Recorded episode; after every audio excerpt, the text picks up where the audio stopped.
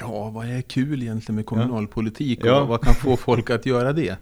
Jo, men är man intresserad av att lära sig hur saker fungerar Mm. så får man lära sig någonting nytt nästan varje dag. Det är, det är så fantastiskt. Alltså folk har en konstig tror jag, bild på... Man har inte tänkt igenom sin bild av hur det offentliga ser ut. Men om vi tar den här medelstora kommunen. Det kan vara någon mindre kommun i Stockholmsområdet eller en större för den delen. Eller, eller en, ja, en kommun var som helst i landet. Så finns det, det är faktiskt så att mellan 65 och 70 procent av alla som jobbar i en kommun har en eftergymnasial utbildning. Det är specialpedagoger och lärare, det är kuratorer, det är studievägledare, men det är trafikingenjörer, medicinskt ansvarig sjuksköterska, det är den här förvaltningsjuristen som är kanslichef och så vidare. Och så vidare. Alltså, det finns nog ingen annan organisation jag har klivit in i som har den bredden av kunskap.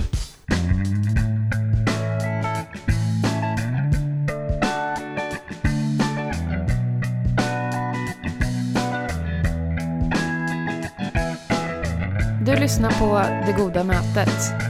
En podcast av Executives Arena.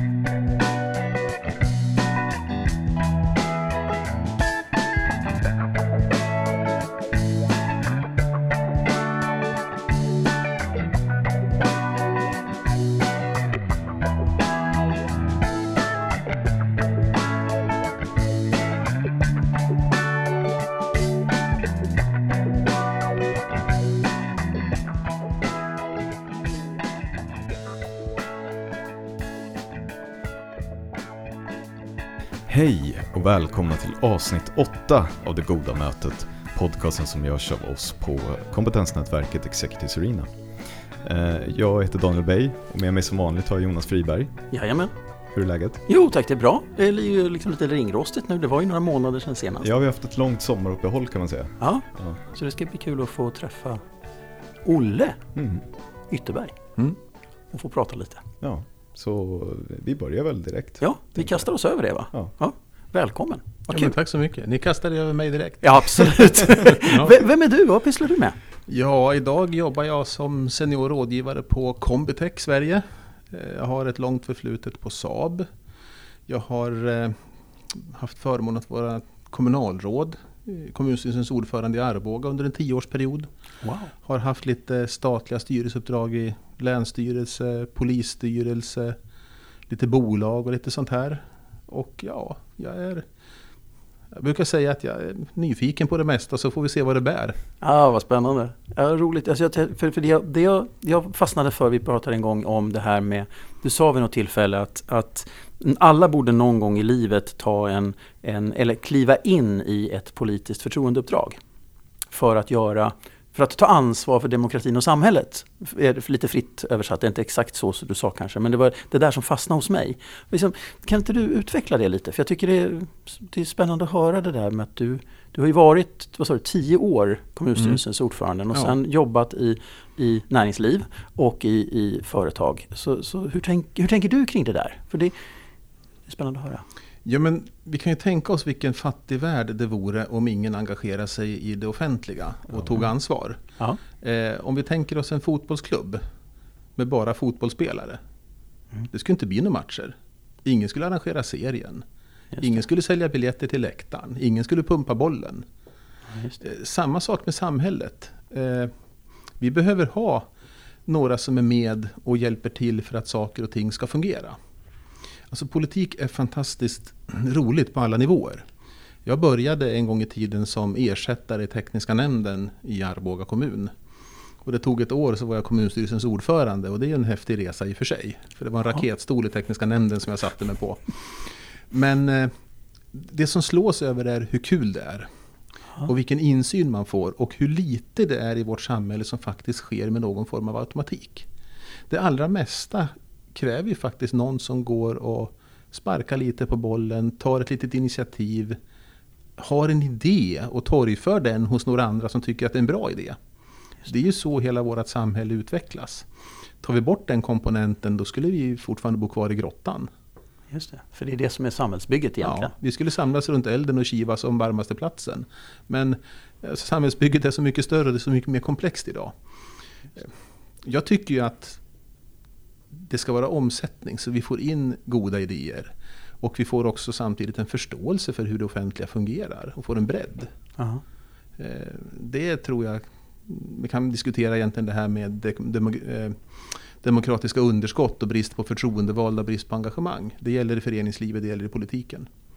Men min poäng är egentligen att det, det är kul eh, att vara förtroendevald. Det är lärorikt, det är nyttigt och man bidrar. Vi behöver göra det så att vi får en mångfald. I politiken också. Men det är också, jag tänker att vara, att vara ordförande i en kommun är ju ett rätt utsatt jobb också. Alltså ett, ett utsatt förtroendeuppdrag ska man väl säga då. Alltså för du blir ju ändå på något sätt eh, galjonsfigur kanske är fel ord, men du blir ju ändå representant på många sätt för väldigt många saker. Man blir symbol för väldigt mycket. Ja. Eh, och det där tycker jag också är ett väldigt spännande resonemang. Vems uppdrag är det man bär? Mm. Ja, men om man är kommunalråd i Arboga eller om man framställs i tv-serien Starke man så är man ju en figur som gör någonting förknippat med en ort. Just det. Eh, och det som jag tycker är roligt med till exempel en kommun som Arboga som har 14 000 invånare som är en slags hyfsad median av svenska kommuner. För de flesta är ju i den storleken. Eh, I jämförelse med till exempel eh, Västerås som är tio gånger så stort. I. Västerås tar man precis samma beslut som man tar i Arboga. Det är bara en nolla mer i budgeten överallt. Det. Är samma beslut, det är samma lagstiftningar. Det är samma överväganden, prioriteringar mellan vård, skola, omsorg, gator och vägar, energi, miljö, klimat, krisledning. Det. Det är alla de här sakerna. Men i Västerås har du väl med oppositionsråd och politiska sekreterare en stab på 20-25 personer. I Arboga är du ensam. Ja, Det är skillnaden. Och då är det lätt att man då, när man går ut på stan, får svara för alla de här frågorna. Ja. just det. Men å andra sidan så är man ju faktiskt också påläst, därför att man har varit med och haft fingrarna i alla syltburkar. Så det kanske är bra att, de, att man får svara för det. Ja men, ja, men självklart, Mm. det är ju det som är eh, det som för det vidare. Precis. Eh, jag är ju allergisk mot förtroendevalda som skärmar sig mot folket, Mm. från folket. Att vara tillgänglig. I en kommun som Arboga behöver man inte ha krångliga processer för medborgardialog. Det har man ju på vissa ställen. Man åker runt i kommundelar och ska träffa unga och gamla och så vidare. I Arboga räcker det ju faktiskt att på fredagen efter jobbet så ska du gå till bageriet, ostbutiken, Systembolaget och sen så gå på ICA och köpa mjölk. Ja. Så har du ju träffat ett tvärsnitt av befolkningen, du har fått, goda till, eh, du har fått glada tillrop, du har fått lite ovett eh, om du har gjort någonting som inte har varit populärt, för det måste man göra. Just det. Och man har fått ett antal glada förslag och kreativa idéer med sig. Det. Eh, på det sättet, jag brukar tänka på att man ska ju faktiskt inte göra någonting som man inte kan se folk i ögonen och förklara stående på torget. Eh, oavsett vilken politisk tillhörighet du, du har eller i vilket ämnesområde du, du rör dig, så ska man kunna förklara sig. Just det. För jag tänker alltså, en, en, en, jag får en tanke nu, bara om det är okej att hänga på den. För jag tänker, de borde ju varit väldigt, förutom den här skillnaden i storlek på kommunen och staben och så, så tänker jag att du får ju förmodligen, med, den- med den, den tanke om fråga då, kan möjligen ett påstående. Är det så att du i, i, den, i den typen av kommuner får en, mer he- hel, du får en helhetlig blick eftersom du har varit med i, i alla syltburkar? Ja, absolut. absolut. Och då blir det mer holistiskt tänker jag. Och därmed också kanske plattare och Mm. närmare. Ja. ja, men alltså helheten att få röra sig mellan ämnena gör också att du får en förståelse för att du måste prioritera. Sitter man som eh, fackpolitiker i eh, teknisk verksamhet eller i en kulturverksamhet eller du har äldreomsorg eller omsorg om människor med funktionsvariationer eller vad det kan vara så värnar du ju din verksamhet. Just det. Och det, det är ju så att eftersom vi inte trycker pengar i, i ett rådhus källare någonstans, hoppas jag, så, så är det ju alltid så att man, man kivas om en ändlig resurs. Ja. Eh, och så är det. Jag brukar ibland säga att liksom politik för ett stackars kommunalråd i en mellansvensk eh, medelstor kommun, det är mötet mellan liksom vardag och vision. Eh, och, och verklighet möter också vision. Just det. För, för, för, för det jag kan känna, som vi, vi, vi har pratat om det rätt många gånger det där, vi har träffat rätt många chefer och ledare i, i, i klassiska företag. Men, men det är väldigt tydligt att de, de som har nära mellan vision och verklighet eh, verkar ha det roligare och vara mer lyckosamma. Det kanske finns en sån koppling också kopplat till politiken tänker jag. Det, är... det gör det definitivt. Eh, det finns ju eh, någon som sa att den som har roligast vinner valet. Uh-huh. Och det gäller nog alla. Mm. Ja men det ska vara roligt, det ska finnas en glädje i det. Det kan inte bara vara måndag morgon uppförsbacke varje, varje gång. Utan man måste liksom se möjligheter och tycka att det här är kul. Det tror jag inte man gör om man är en, en förvaltare som inte har en vision. Mm. Jag eh, vill ju ha en vision, jag vill ha ett mål, jag vill veta vart vi är på väg. Det ska vara uppnåeligt men det ska vara utmanande. Det är ju en ledarskapsfråga egentligen oavsett om du sitter på en kommunstyrelsestol mm. eller om du är eh, en chef någonstans i en organisation i näringslivet. Det. Eh, det. är allmängiltigt. Och har du roligt när du jobbar så tycker folk att det är kul att jobba med dig. Du får med dig folk. Det, det är ju management by fear alla Percy Nilegård funkar ju dåligt. Det, fun det, funkar ju liksom i en tv-serie för det är underhållande, mm. säljer avsnitt. Men det är inte framgångsrikt i vardagen någonstans. Nej. Kan, du inte, kan du inte berätta vad som är kul? För, för jag blev inspirerad av dig, för att jag, jag var med eh, när, eh, när du nämnde det som, som Jonas refererade, att, att eh, det kan vara en bra idé att engagera sig. Uh, och jag, var, jag, jag blev inspirerad av att engagera mig i min BRF. Som är ganska stor. Uh, och den, vi kommer genomföra ganska stora förändringar, renovationer och sånt där. Och det är ganska, allt är väldigt stort, jag blev väldigt, väldigt intresserad. Så, så, jag kan se det roligare, men, men kan du inte nämna lite vad, vad som är kul? Ja, vad är kul egentligen med kommunalpolitik och ja. vad kan få folk att göra det? Jo, men är man intresserad av att lära sig hur saker fungerar mm. så får man lära sig någonting nytt nästan varje dag. Det är, det är så fantastiskt. Alltså folk har en konstig tror jag, bild på... Man har inte tänkt igenom sin bild av hur det offentliga ser ut. Men om vi tar den här medelstora kommunen. Det kan vara någon mindre kommun i Stockholmsområdet eller en större för den delen.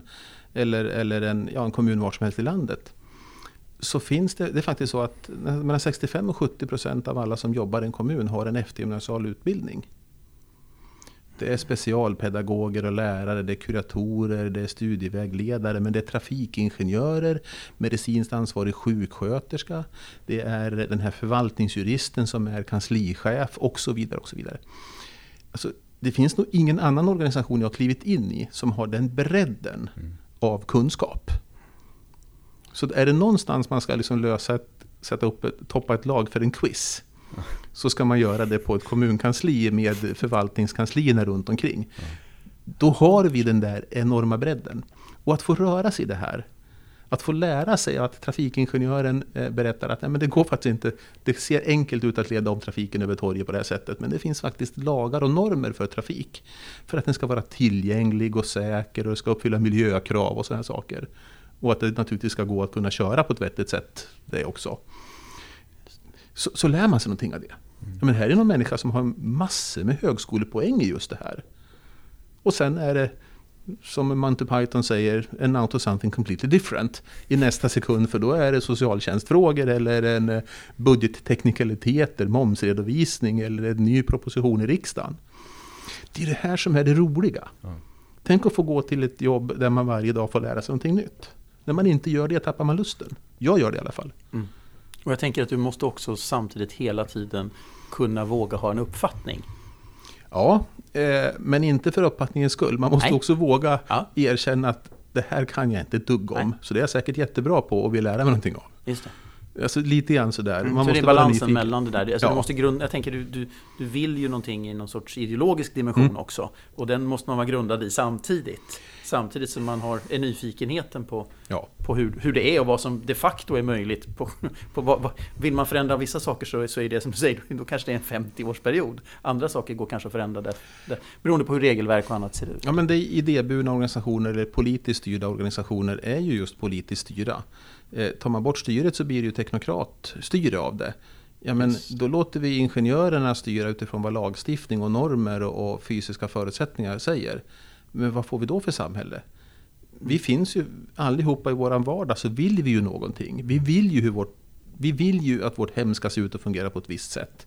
Vi vill att vårt liv ska fungera på ett visst sätt. Jag har den här fritiden, den här hobbyn, jag ska kunna göra det här. Det påverkar vi. På en aggregerad nivå påverkar vi samhället på samma sätt. Det. Och det att vi har lite olika uppfattningar gör ju att det blir lite tension i det här. Men också, tror jag, ganska representativt för någonting som passar ganska många. Just det. För det är det som är vitsen med demokrati, att det ska passa många. Just det. Och kompromissa är ju inte fel. Nej. För, för jag har ju också levt mycket under den devisen att vi ska fokusera på det som är möjligt, det som är gemensamt. Och inte köra fast på konflikten. Vad är skillnaden mellan de två stora samhällsbärande partierna i en kommun? Det brukar ofta vara S och M. Ja, det vi slåss om när vi har budgetfullmäktige, det är den sista procenten budgeten. Men vi är helt överens om att vi ska ha en bra skola, fungerande kollektivtrafik och att vi ska åstadkomma storverk på miljöområdet. Och att det ska vara en attraktiv och trevlig ort att vara på och bo i. Det är man överens om. Kan vi hitta det där så kommer man väldigt långt. Sen behöver vi ju förklara skillnaderna. Men de är ofta ganska små. Mm. Och har man det här för sig, och det, det har väldigt många, jag har väldigt många goda vänner som har varit förtroendevalda och är det fortfarande i kommuner, regioner och riksdag. Har man det här klart för sig så kan man också vara väldigt goda vänner före och efter ett fullmäktige. Just det. Och efter en budgetdebatt. Och tycka att det här var ju kul. Och, och så, och så liksom eh, enas och driva sakerna framåt över kafferasten. Väldigt mycket. Det är det som bär. Är man konfliktorienterad och ser konflikten som metod Mm. så blir man i regel inte särskilt framgångsrik. Nej. Nej, för då fokuserar du som du säger, då, funderar, då, då, då blir ju fokus på att Ja. vi ska vara osams. Ja, Och det, det funkar ju inte i näringslivet och det funkar Nej. inte i politiken. Nej. Det är allmängiltigt. Det funkar inte i privatlivet heller. Att gå runt och vara, konflikt som metod. Prova det i trappuppgången eller bostadsrättsföreningen eller hockeylaget. Va? Ni slipper bli klassföräldrar, det är ju det positiva. Ja. Om man tycker det är jobbigt och vill ha mer fritid. Ja, det skulle vara det enda. Ja. Och inte så, inte så många julkort behöver man skicka heller. Men, men, men, men, men det, där blir, det där är ju lite spännande, för det är ju som en, som en metodik att fokusera på det där som är gemensamt. Men, men samtidigt så, när man komprom, alltså, hur känner du det där när, när, när man får kompromissa i något som inte, alltså man har en väldigt tydlig bild av vad man vill. Då måste man ju vara, då måste man kunna släppa den och, och liksom för, för jag kan känna, jag är så här som person, så att jag, det, det blir lite förlust om, jag får ge, om jag får ge upp någonting jag absolut vill. Ja, win-win means I win twice. Ja, ja precis. precis. Så, så, hur tänker du kring det där? Man får tänka lite grann tror jag på vad är det långa? Vad är det Ja. jag vill till egentligen? Just. Eh, alltså skillnad mellan taktik och strategi. Mm. Som eh, von Clausewitz en gång i tiden definierade. Alltså, strategin är hur du vinner, eller taktiken är hur du vinner striden. Strategin är hur du vinner kriget. Ja, men om du har ett långsiktigt mål som du vill uppnå. Så behöver du inte ta alla konflikter och vinna alla vägar. Men du ska vara medveten om vart du vill. Och ibland får man ompröva planen. Verkligheten förändras. Jag når inte fram nu. Eller också händer någonting som gör att du når fram lite tidigare. Just det. Så att man får inte tappa orienteringen i detaljerna och, och titta och inte se skogen för alla träd. För det är också ganska vanligt tror jag att man kör ner i hinder på budget och lagstiftning och Ja. eh, folk som är emot det i allmänhet. För det kan jag ju lova som förtroendevald att man upplever ju att drygt halva befolkningen och halva fullmäktige är ju emot dig. Och tänk dig att jobba, alltså skillnaden mot en bolagsstyrelse och en kommunstyrelse är att i kommunstyrelsen så lyfter halva gänget arvode för att motarbeta ordföranden. precis, Prova det i bostadsrättsföreningen får du se hur populär det blir. Ja, men så är det ju och det är för att ha en tension. Det ska man, alltså, en del säger att det är samma. Nej, det är inte det. Alltså det offentliga och det privata är olika. Mm. Därför att man har de här fundamentalt olika förutsättningarna. Just det. I, I intressevärlden, där vi är på vår fritid, i föreningar eller i ett företag, så har man ju committat sig till en värdegrund, Mm. till ett intresse som man prioriterar före annat. Det. I det offentliga går man in därför att man har en syn på hur världen borde vara. Mm. Och då har man helheten på sig. Man kan inte gå in och bara säga att skolan är viktig, utan man måste tänka att allting är viktigt. Men man ska kunna prioritera mellan det. Det är den stora skillnaden mellan de här två sakerna. Det är Just därför jag tycker att politik och, och den typen av förtroendeuppdrag är så lärorika. Just det. För du får ju, för, alltså för första gången så kan du ju inte, det är precis som du säger, du kan, du kan ju inte säga att ja, men, vi, vi, fokuserar, alltså, vi fokuserar bort från skolan. Vi, vi, vi väljer att inte jobba med skolan, det skulle du ju inte kunna säga. Nej, men enfrågepartier Ja, det finns, finns, ju i många kommuner. Ja, Men de är ju sällan långlivade. nej. De brukar dyka upp och göra jättebra ifrån sig sitt första val därför att man eh, har samlats runt eh, en byskola som ska läggas ner eller en Mm, genomfart som sjukhus inte ska byggas Mm. eller något sånt där. Va? Mm. Val nummer två går det sådär. Mm. Val nummer tre då är det hardcore som är kvar men då kommer man knappt in. Nej. Det är få undantag som de där överlever ett par val. Mm. Nej, det är som du säger, jag kan ju inte rösta på någon som är mot, mot en viss sak utan att de kan säga vad de vill med det övriga. Nej, Det blir ju väldigt, väldigt svårt. Nej jag, jag tycker det är en logisk kullerbytta men ändå är det förvånansvärt många som gör det. Men jag kan tänka, alltså, när vi pratar om den konflikten, för där, alltså det finns ju också Media idag och hela liksom social media gör ju att man gärna vill, vill som du sa, man får inte, man får, man får inte ta alla, alla kortsiktiga strider eller tänka att man måste vinna alla, alla slagen på vägen till att vinna kriget. Men idag blir ju väldigt mycket av media är väldigt fokuserad på att, på att leva på den där konflikten Mm. som är kortsiktig. Ja. Liksom det är den mot den eller det är den mot den eller det Ja, mot men- det. Ifrån lokalmedia till riksmedia Mm. utmålas ju politiker som konfliktfyllda som står och skäller på varandra. Mm. Och så blir folk så förvånade när man får läsa ett kvällstidningsreportage om hur eh, Annie Lööf och Jonas Sjöstedt till exempel är goda vänner. Ja. Som är så fundamentalt olika politiskt. Men jag har jättegoda vänner ur alla politiska läger i stort sett. Mm. Och det är folk som jag har lärt känna under en, en politisk karriär. Och, och behållit som vänner efter det Just det. det är, det är en skillnad. Alltså vi är ju, få av oss har ju konflikten som metod. Eh, Då sållas man ju ofta bort redan innan man börjar få tunga uppdrag och sånt här. Eh, Och det är ett ganska darwinistiskt urval på den eh, typen av människor i näringslivet också. Ja. Och så. Nej, alltså, jag, jag tror ju mer på det där att man, man tittar på det gemensamma. Just det. Sen, för att följa upp den där frågan med sociala medier som du lyfter. Många pratar om direktdemokrati. Vi vill folkomrösta i allting. Mm. Men då, och nu blir det här ett, ett, ett statement från min sida och en Mm, syn det på det demokratiska systemet. Jag tror inte på direktdemokrati.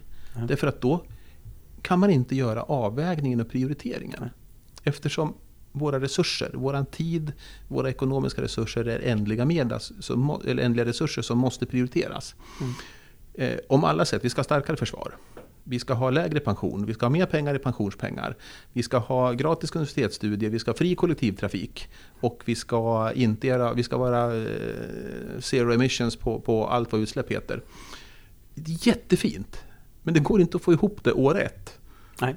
Jag vägrar tro att vi inte löser det över tiden. Ja. Men man kan inte få allt nu. Vi kan inte ha tvååringar med omedelbar behovstillfredsställelse som, som, som kravställare. Och lite grann så här så tycker jag att sociala medier fungerar. Mm. De blir ju kanaler för enfrågemänniskor. Ja. Bensinupproret här eller stoppa invandringen här eller fler poliser där, i den gruppen. Stå upp för grupper som är väldigt enögda. Det här blir ju fel. Därför Mm. att man kan inte liksom sticka upp ett fuktigt finger i luften och tro att det är där vinden blåser. Därför att man får inte ihop det. Nej. Nej, och det är verkligen så att det ger ju ingen helhetsbild. Utan det ger ju bara en bild av vad Ja. just de där tycker Ja. just där. Men jag tänker, det blir ju också att det blir väldigt mycket lättare att vara utsatt också. Mm. Alltså drev i de där sammanhangen borde ju vara ganska, ganska det borde förekomma ganska mycket sånt. Ja, men jag. det gör det absolut. Det är så lätt idag att sitta liksom hemma och hata någon. Och verkligen hårdhata någon som man inte känner. Mm. Det är mycket svårare om man tvingas göra det eh, när man hamnar framför någon i systemkön. Ja. Och tvingas vända sig om och se den i ögonen. Ja. Eh, Jag tror ju på det goda mötet Ja. som, som, som metod för att faktiskt eh, överbrygga, skapa förståelse och samla upp de goda idéer och kreativa förslag som finns. Mm. Det är en metodik som funkar i det stora och i det lilla. Ja, verkligen. Hur är det, alltså om man tänker i, i, liksom i företagsvärlden så blir ju, så blir ju liksom den här, om man nu tänker sig ordförande och VD och organisation. Hur liksom som, som kommunstyrelsens ordförande och så och som kommunalråd då, eh, så finns det ju sedan en tjänstemannaorganisation. Mm. Hur, ser- hur, ser, hur, ser, hur, hur jobbar man? Jag som inte kan någonting med det här, hur, hur jobbar man med den? Liksom? I den politiska världen så jobbar man ju med roller. Mm. Eh, som förtroendevald så har du ett uppdrag ifrån någon. Och vem är då den här någon? Det är lite oklart. Om man är då till exempel kommunstyrelseordförande i Arboga så företräder man ju utåt Arbogas samlade intressen. Men min uppdragsgivare var faktiskt mina partikamrater. Jag kandiderar för ett parti. De som kan delta i partiets interna omröstningar om vem som ska företräda partiet på fullmäktiges valsedel och vem som ska kandidera, kandidera till olika poster. Det är partimedlemmarna som eh, tycker till. Så att det är ju dem man företräder och det är på deras förtroende man arbetar. Just. Så fort man har svikit deras förtroende, de tycker att du borde kolla med oss innan du gör det här. Så får man ju hint om att man kanske har klivit över en gräns. Den där förhållandet är jätteviktigt, vem som är uppdragsgivaren. Mm. Eh, Det är inte alla Arbogabor. Så en random Arbogabo kan inte komma och skälla på mig och säga vad som helst. Särskilt en som inte har röstat uttaget i valet. Nej, precis. Eh, Det är ju en förutsättning för att få upphäva sin talan. Va? Men det är det. Och sen, sen är det här jätteintressant tycker jag.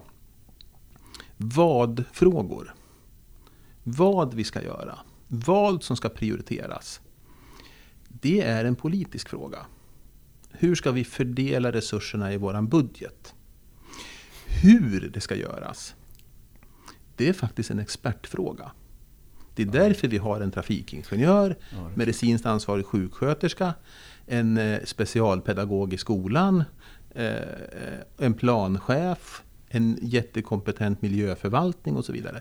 De kan hur, hur vi uppfyller miljölagstiftning, plan och bygg och trafik och, och eh, omsorg och pedagogik. Vi ska hålla isär de här två frågorna.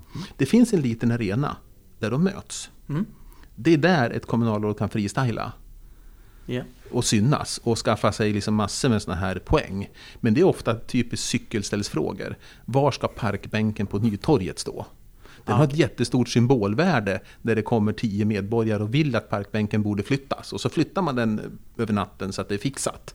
Och sen uppfattas man som handlingskraftig. Och sen har man under tiden det där gjordes klubbat en miljard i budget i kommunfullmäktige. Men alltså de här cykelställsfrågorna också, symbolhandlingarna är viktiga. Ja. Där måste politiken för att bevara sin legitimitet få kliva in på expertområdet. Just Man kan inte komma tillbaka och säga att Nej, jag pratar med trafikingenjören och det går faktiskt inte. Det kommer att kosta 15 000 kronor att flytta den här bänken. Så vi gör inte det. Ja, en del köper svaret men andra tycker att det där var ju en tråkig typ. Men vad och hur är ju skillnaden. I ett företag, aktiebolagslagen är fantastisk. Inte någonstans nämner man medinflytande, demokrati eller någonting sånt här. Det finns i bolagsordningen och arbetsordning för styrelsen styrt hur ordförandens röster förhålls i förhållande till resten och hur många som får sammankalla möte och sådana saker. Men demokrati är ju ett helt okänt begrepp. Man är där för att värna bolaget Mm. gentemot ägarna. Där är aktiebolagslagen jättetydlig. Och VDn tar instruktion ifrån styrelsen. Så jag vill att du gör det här med bolaget. Och då gör man det. Mm. Annars får man kliva av. Just det. Och jag ska ju som underordnad någonstans, jag är ganska långt ner i den här hierarkin i företaget. Eh, jag måste ju vara lyhörd för det här. Ja men det här är vad företaget vill. Köper inte jag det så kan inte jag gå på ett årsmöte och rösta bort ordförande.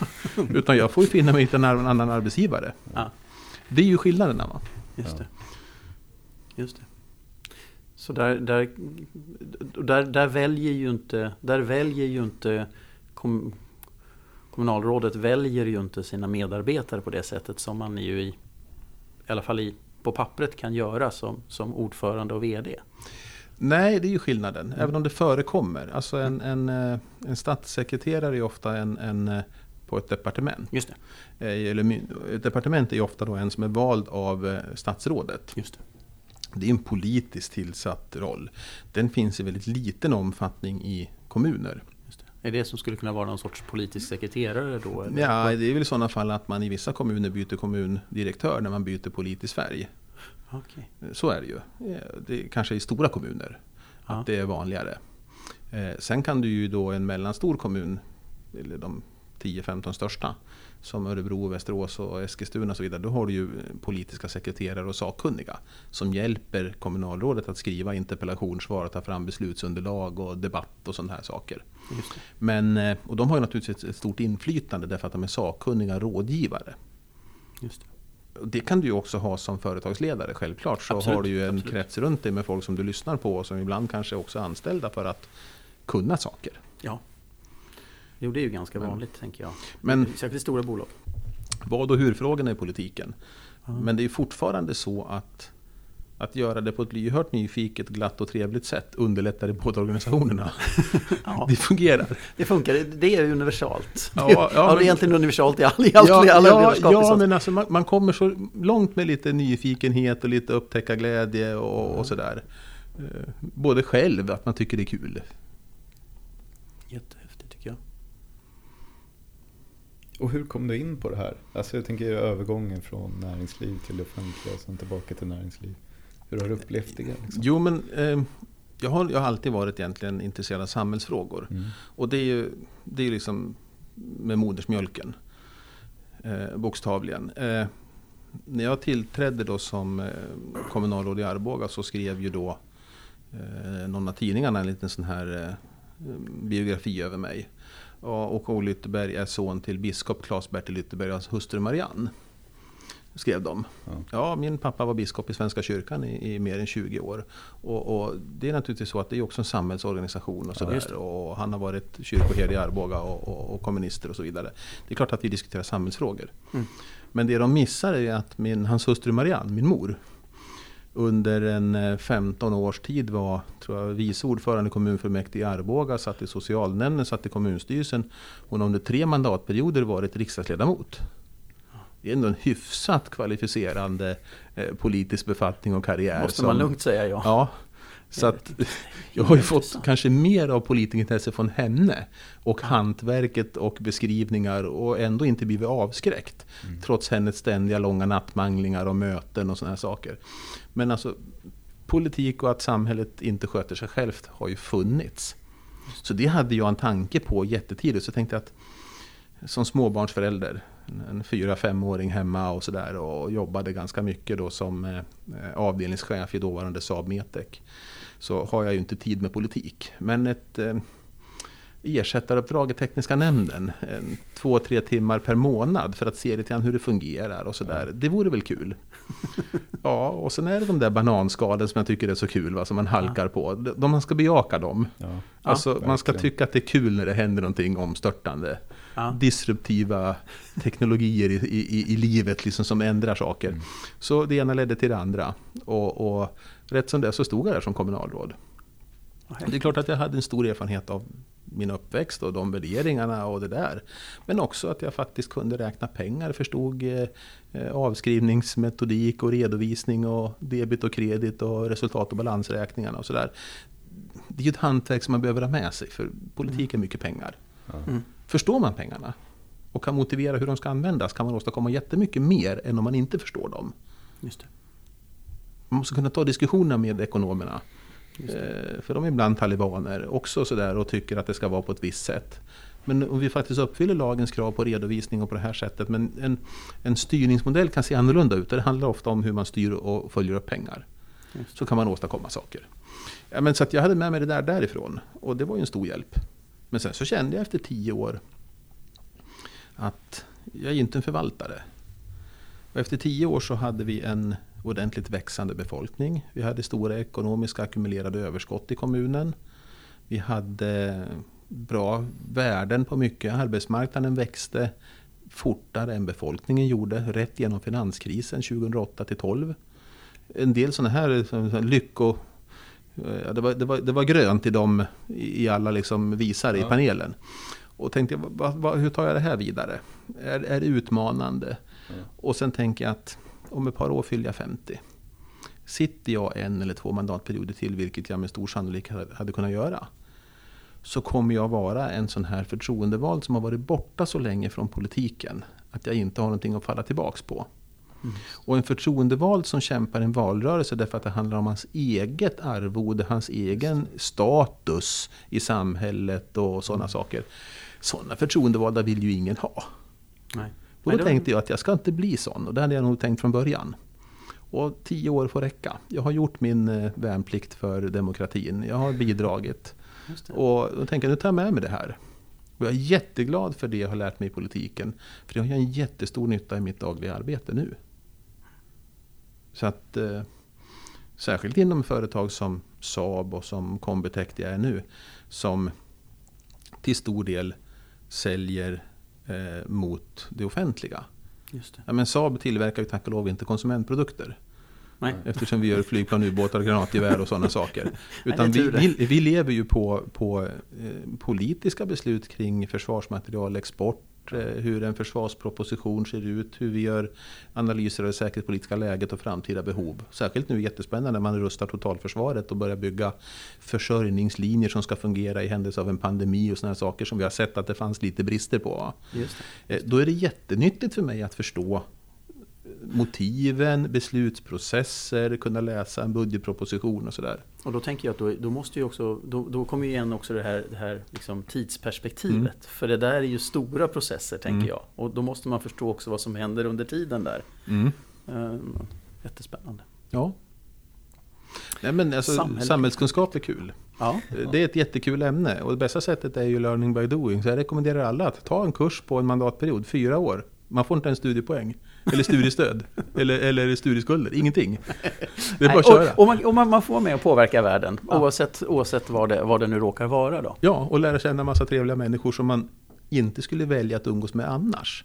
Nej, Därför att här är ju nog andra väljarkårer som utser dina kollegor i nämnden. just, Det är jättespännande.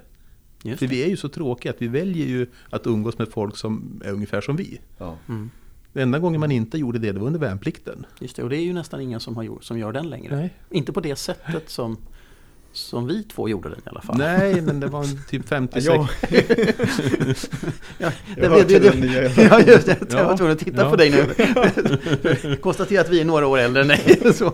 Ja, vi har frusit. Ja, Vi har varit i Älvdalen 1985, minus 41 grader mitt på dagen, solen sken. Sen dess har jag inte frusit en dag. Nej, jag har faktiskt också varit i Älvdalen, men det var, det var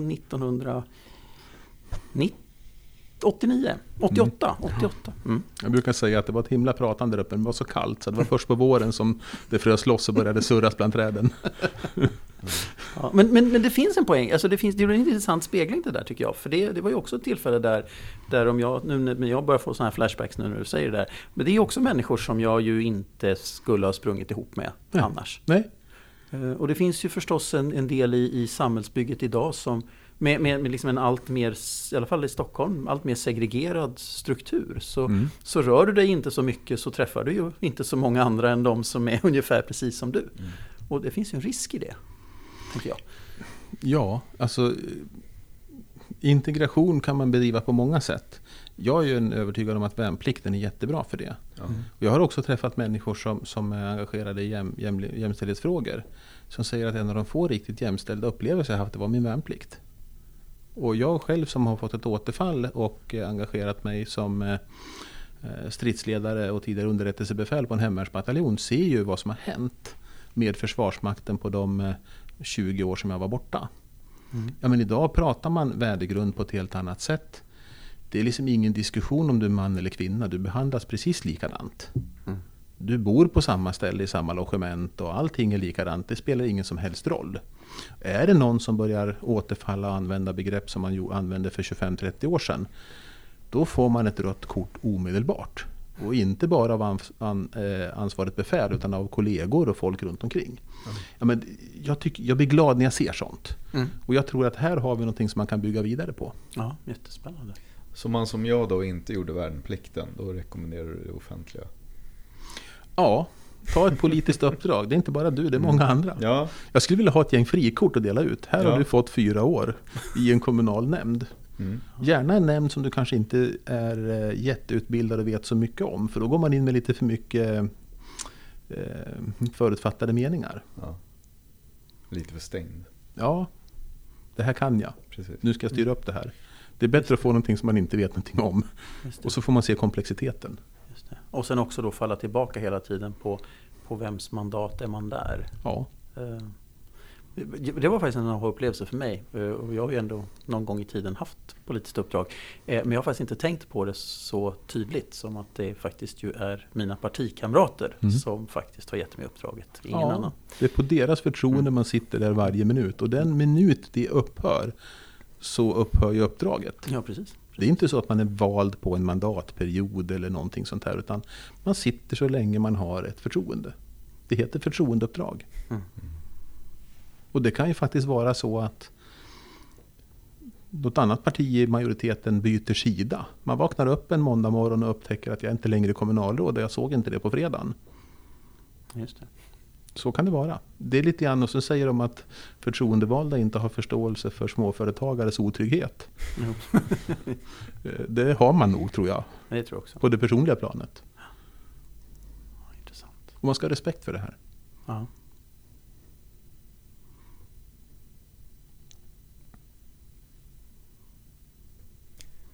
Vi, eh, det är inte helt ovanligt att det blir tyst. Vi brukar Ja. ofta hamna, nästan varje avsnitt så, så kommer vi till en punkt där jag och Jonas sitter och processar. Det är vi.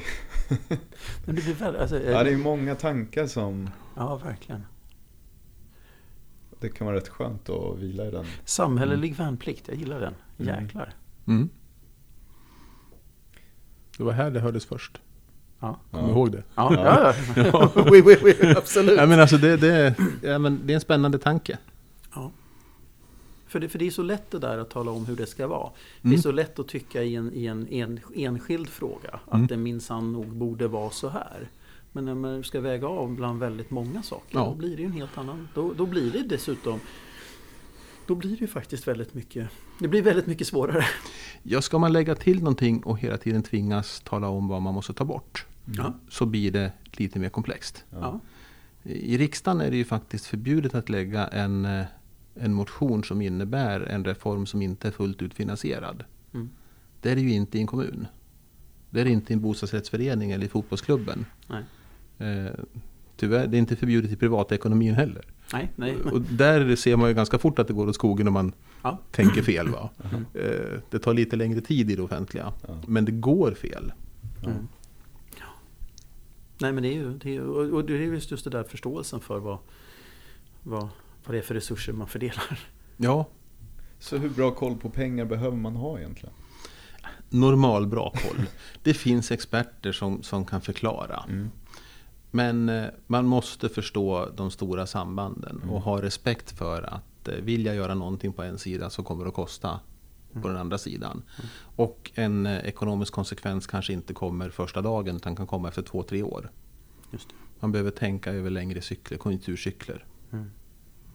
Ja, och sen är det ju stora, det är stora frågor. Det är ju liksom vård, vård eller omsorg och skola Mm. som är stora frågor. Liksom. Men alltså, jag tycker rådet är inte att man ska läsa in sig på att vara liksom... Vi kan inte låta ekonomerna styra världen. Nej.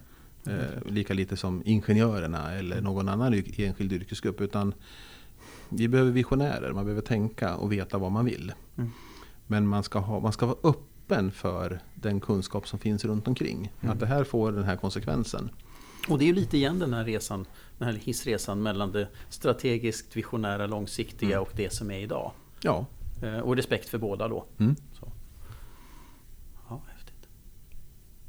Tolkar det som sunt förnuft. Väldigt mycket sunt förnuft. Nu ska man ju liksom inte prata ner, alltså ett kommunalråd är ju en särdeles begåvad människa som, som man ska se upp till och behandla med vördnad tycker jag.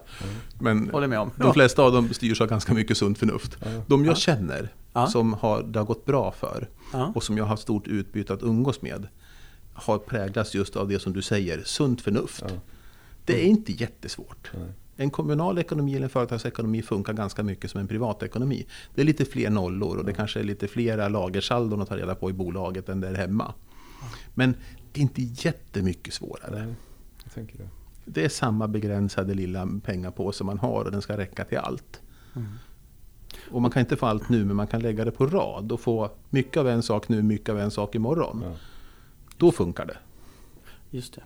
Och också då, då blir det ju att vägledas av sunt förnuft och en kompass vad man i long, in the Mm. long run vill med världen. Så, Ja, Vad skulle du säga att det är det absolut allra roligaste då? I, det, i att, att, ta ett, att vara kommunalråd. Vad är det absolut roligaste? Om du får välja en sak. Ja, men, att se att man faktiskt gör någonting som ger lite nytta. Eh, det är det här att nu har det ju faktiskt gått sju, snart åtta år sedan jag lämnade politiken. Mm. Men jag kan ju se eh, byggnader som vi har uppfört som innehåller nu ett stort antal arbetsplatser där människor har, har arbeten. Eh, vi lyckas landa etableringar. Eller att vi fick dubbelspåret på järnvägen som gör att min restid nu, alltså 27-2008, så slogs vi väldigt mycket om eh, medfinansieringen i Citybanan, hur det skulle se ut här i Stockholm. Och det är ju åtgärder som pågår nu. Och tågtidtabellen för två år sedan gav mig 45 minuter kortare restid Arboga-Stockholm varje dag. Mm. Som en direkt effekt av beslut som togs hösten 2007. Mm. Ja. Det är fantastiskt att se det där. Och så är det så mycket trafikstörningar däremellan. Och då har folk klagat på dem och då skulle de ju bara veta hur mycket jag har jobbat för att det ska vara trafikstörningar. och det är lite otacksamt när jag står på... sen. Ja, det kommer sen. Det är lite otacksamt när man står på tåget och talar om för folk att sluta gnäll, det är jag som har orsakat det här. Ni ska vara glada för snart går det fortare. Det funkar, det funkar Det är en kommunikativ utmaning. Ja, det är ju det. Nej men sådana här saker, att man ser att det man gjorde faktiskt ger effekt över tiden. Mm. Det tycker jag är kul. Så det är det som biter en. Ja, det är det. Ja. Ja, men alla vill ju faktiskt bidra till att göra världen lite bättre. Mm. Och kan vi i de flesta fall är vi överens om vad som är bättre. Sen är det några procent där vi divergerar väldigt mycket om vad som inte är bättre och vad som måste liksom bekämpas och förhindras. Men det allra mesta är ju faktiskt människor överens om. Människor är vänliga själar som, tyck, som är ärliga och tycker om att arbeta hårt. Jag Mm. brukar utgå från det.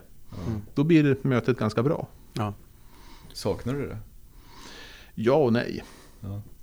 Eh, har man kommit ur politiken efter tio år med förståndet och hälsan i behåll så ska man hålla sig borta. Ganska tunga kapper man tar av Ja, sig. det är mycket tungt och eh, klimatet har förändrats. Det tycker jag ser mycket där ute. Jag har ju många goda vänner som är politiskt aktiva. Jag följer dem i sociala medier och träffar dem och sådär. Alltså 2004-2005 då fanns inte Facebook och Twitter och, och Insta på det sättet de finns idag. Ja. Det var inte en realitet att påverka samhället med direktdemokrati genom att sitta och skriva oförskämdheter eller driva kampanj. Eh, Då hade vi två, till och med tre lokalmedieredaktioner i Arboga där journalisterna satt på mitt kontor eh, morgonen efter ett kommunstyrelsesammanträde och ville veta vad vi hade beslutat. När jag slutar tio år senare så finns ingen lokal medieredaktion kvar i Arboga. Man skrev inte längre om kommunala beslut, hur egentligen dramatiska de än var. Men debatten fördes i sociala medier. Under den perioden har kommuner skaffat sig kommunikatörer i en stor omfattning för att tränga ut i bruset och inte låta någon annan sätta agendan. Man skulle kunna göra en podd tror jag om medielandskapets förändring under, under 2010-talet. Det finns Och hur det, hur det, ja det finns nog säkert många, hur det påverkar förtroendevaldas utsatthet. Ja. Ja. Ja, men jag upplevde vid få tillfällen eh, upprörda, arga medborgare 2004. 2014 var det tämligen vanligt att man fick meddelanden, e-post och påhugg på Facebook, nidbilder och sådana saker. Det påverkar absolut människors förmåga att utföra ett uppdrag. Mm. För jag tänker man måste ju... Alltså, eh, för det, det var egentligen min nästa fråga. Vad skulle, och det egentligen svarar du kanske på då. Eh, Det där med vad är det som är, vad är det, som är det tuffaste med det där? Just det där att bli, bli en symbol hela tiden för någonting. För för många symbol för någonting som är bra. Men Mm. för det räcker med att det finns några stycken som kan skapa ganska mycket tryck och drev. eh, Som kan göra tillvaron ganska jobbig tänker jag. Ja, och jag tror, jag tror att det är jobbigt för många. Jag tror att det är många som håller ut en kortare tid. Mm. Nu tycker jag det är ganska bra att man har inte livslånga åtaganden som man kanske hade med starke mannen på en ort. Eller starke kvinnan för den delen. För grannkommunen Köping med Elisabeth Salomonsson som satt i 33-34 åren och sånt där. 35 kanske till och med. Eh, eh, och oerhört skicklig. Och vilken rutin. Mm. Men jag tror att 2020, 2030, 2040 så vill vi nog ha lite större omsättning på samma sätt som vi idag byter arbeten i vårt vanliga liv på ett Ja, annat sätt. precis. Vi betraktar en eh, universitetsutbildning som en plattform och en färskvara. Men man utbildar sig inte till ett yrke för att ha hela livet som vår föräldrageneration gjorde. Det måste ju fortsätta spegla det övriga samhället. Ja, eh, jag tror att man ska ha det. Men vi måste också ha kontinuitet. För börjar vi få folk som kommer och går med en fråga för ögonen, Mm. då blir kursen väldigt eh, instabil. Mm. Då tappar man kvalitet och styrning och förtroende. Så att, eh, både och. Jag, jag hörde idag på ett, på ett, faktiskt jag tänkte på det där, nu, nu sa att du, du pendlar hit, Eh, det där med att vi rör oss mer. Mm. Eh, Det här var, det här var nog kommunalrådet i kan det ha varit Ljusdal eller Järvsö eh, där, där eh, huspriserna nu då drar iväg ordentligt. Och det visas, det var en liten debatt där därför att någon säger att ja, men det här är jättebra. Och så säger någon annan att nej men det är de som köper de här husen det är ju bara stockholmare, de köper dem bara som... Det är, det är människor från Mälardalen som vill ha ett fritidshus. De kommer inte att betala någon skatt här, de kommer att betala skatt hemma. Eh, och, och så vi som bor här, vi kan inte köpa några hus. och då blev det en diskussion om det där. Eh, alltså, så, så min fråga, för det var ganska... Jag vet inte riktigt hur jag får ihop det här nu. Men egentligen just den där ökade rörligheten. Att man liksom bor på ett ställe, jobbar på ett tredje och tillbringar tid på ett fjärde. Mm. Påverkar, hur, hur ser du på det kopplat till en kommun, tänker jag? Ja, men titta på hela samhället. Idag är det stört omöjligt att rekrytera deltidsbrandmän på en normal räddningstjänst.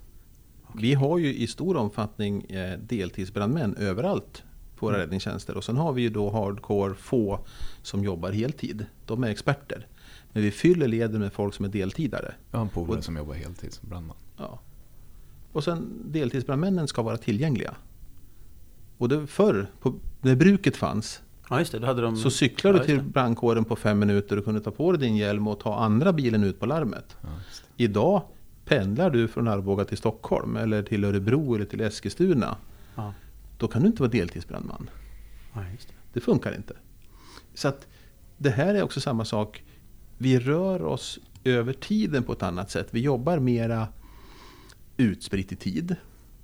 Vi har eh, eh, mer möten kanske på Teams som sitter lite i slutet eller början på arbetsdagen. Vi får ihop eh, det så kallade livspusslet, vilket jag tycker är ett väldigt genialiskt uttryck. För det är en utmaning vi alla står inför. Ja. Det får vi ihop på något sätt. Men hur får vi loss tiden att vara eh, den här frivilliga tränaren i knattefotbollslaget? Hur får vi energi och tid att vara den som pumpar fotbollen eller sitter Mm. i den här fotbollsklubbens styrelse och ser till att vi säljer biljetter och får ihop en, eh, en, eh, en serietablå? Mm. Ja, men vi har inte det på samma sätt idag när vi rör oss. Nej. Kan, kan, då blir en följdfråga. Kan, kan, kan liksom den här pandemiperspektivet nu göra att vi kanske rör oss eh, vi, vi, vi rör oss fortfarande över samma avstånd men kanske inte lika ofta. Kan det göra att man, att man ser ett annat mönster då? Man blir hemma i, i Arboga eller Eskilstuna måndag, fredag, lördag, söndag, måndag. Och så kanske man pendlar någon, några dagar. Ja, jag tror att det kommer att vara så. Jag tror att det här, den förändringen i samhället innebär en stor möjlighet. Mm. Dels för oss själva att kanske styra livet på ett annat sätt. Men också på ett företag som finns oavsett om du har eh, ett högteknologiskt företag i Arboga eller i Stockholm. Så upp, ökas ju rekryteringsområdet dramatiskt. Mm. Om man inte har kravet att man ska pendla 15 mil morgon och kväll fem dagar i veckan. Utan vi ska göra det två till tre dagar. Och så Mm. får du jobba på distans. Då kan du hitta experten som råkar finnas i Stockholm. Men som kan tänka sig pendla till Arboga. Eller tvärtom. Mm. Så där kommer vi att se förändringar. Men jag vågar inte riktigt sia om vi kommer att få en åter, ett återvändande till föreningslivet. Jag hoppas det. Vi har ju sett under pandemin hur, eh, om jag tar Arboga som, som mitt hemmaexempel, hur eh, jag har haft det jättebra. Jag har suttit hemma och jobbat i 19 månader. Jag har haft det dödligt tråkigt, för jag saknar mina arbetskamrater. Jag är jättesocial. Men jag har ju inom fem minuters promenad har jag eh, posten, banken, ostbutik, bageri, konditorier, pizzeria, indisk mat, sushi, thai-restauranger. Jag har ju allt jag behöver. Mm. Men jag, jag, har liksom, jag har handlat mycket mer hemma. Och många handlare på småorterna har ju upplevt att de har haft en oförändrad eller ökad omsättning. Mm.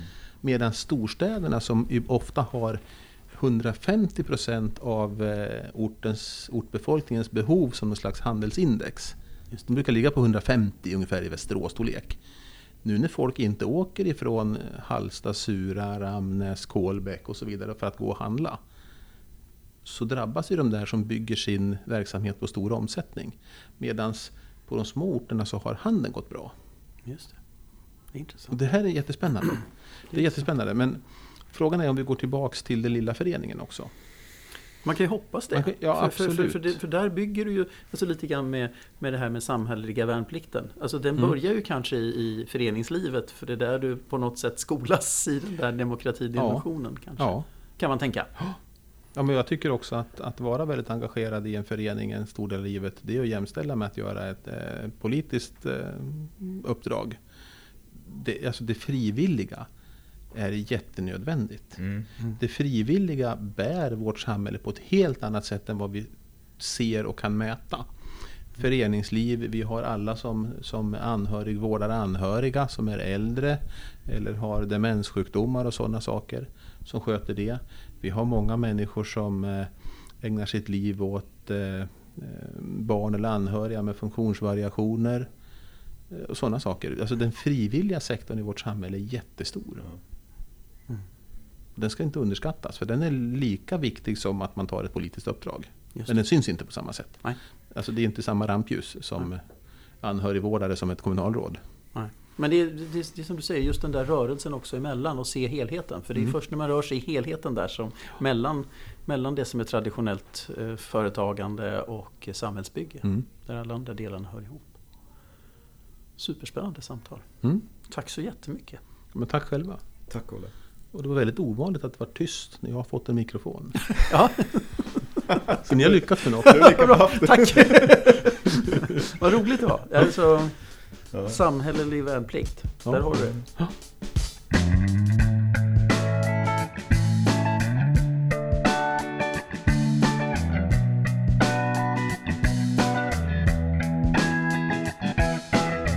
Du lyssnar på Det Goda Mötet. En podcast av Executive Arena.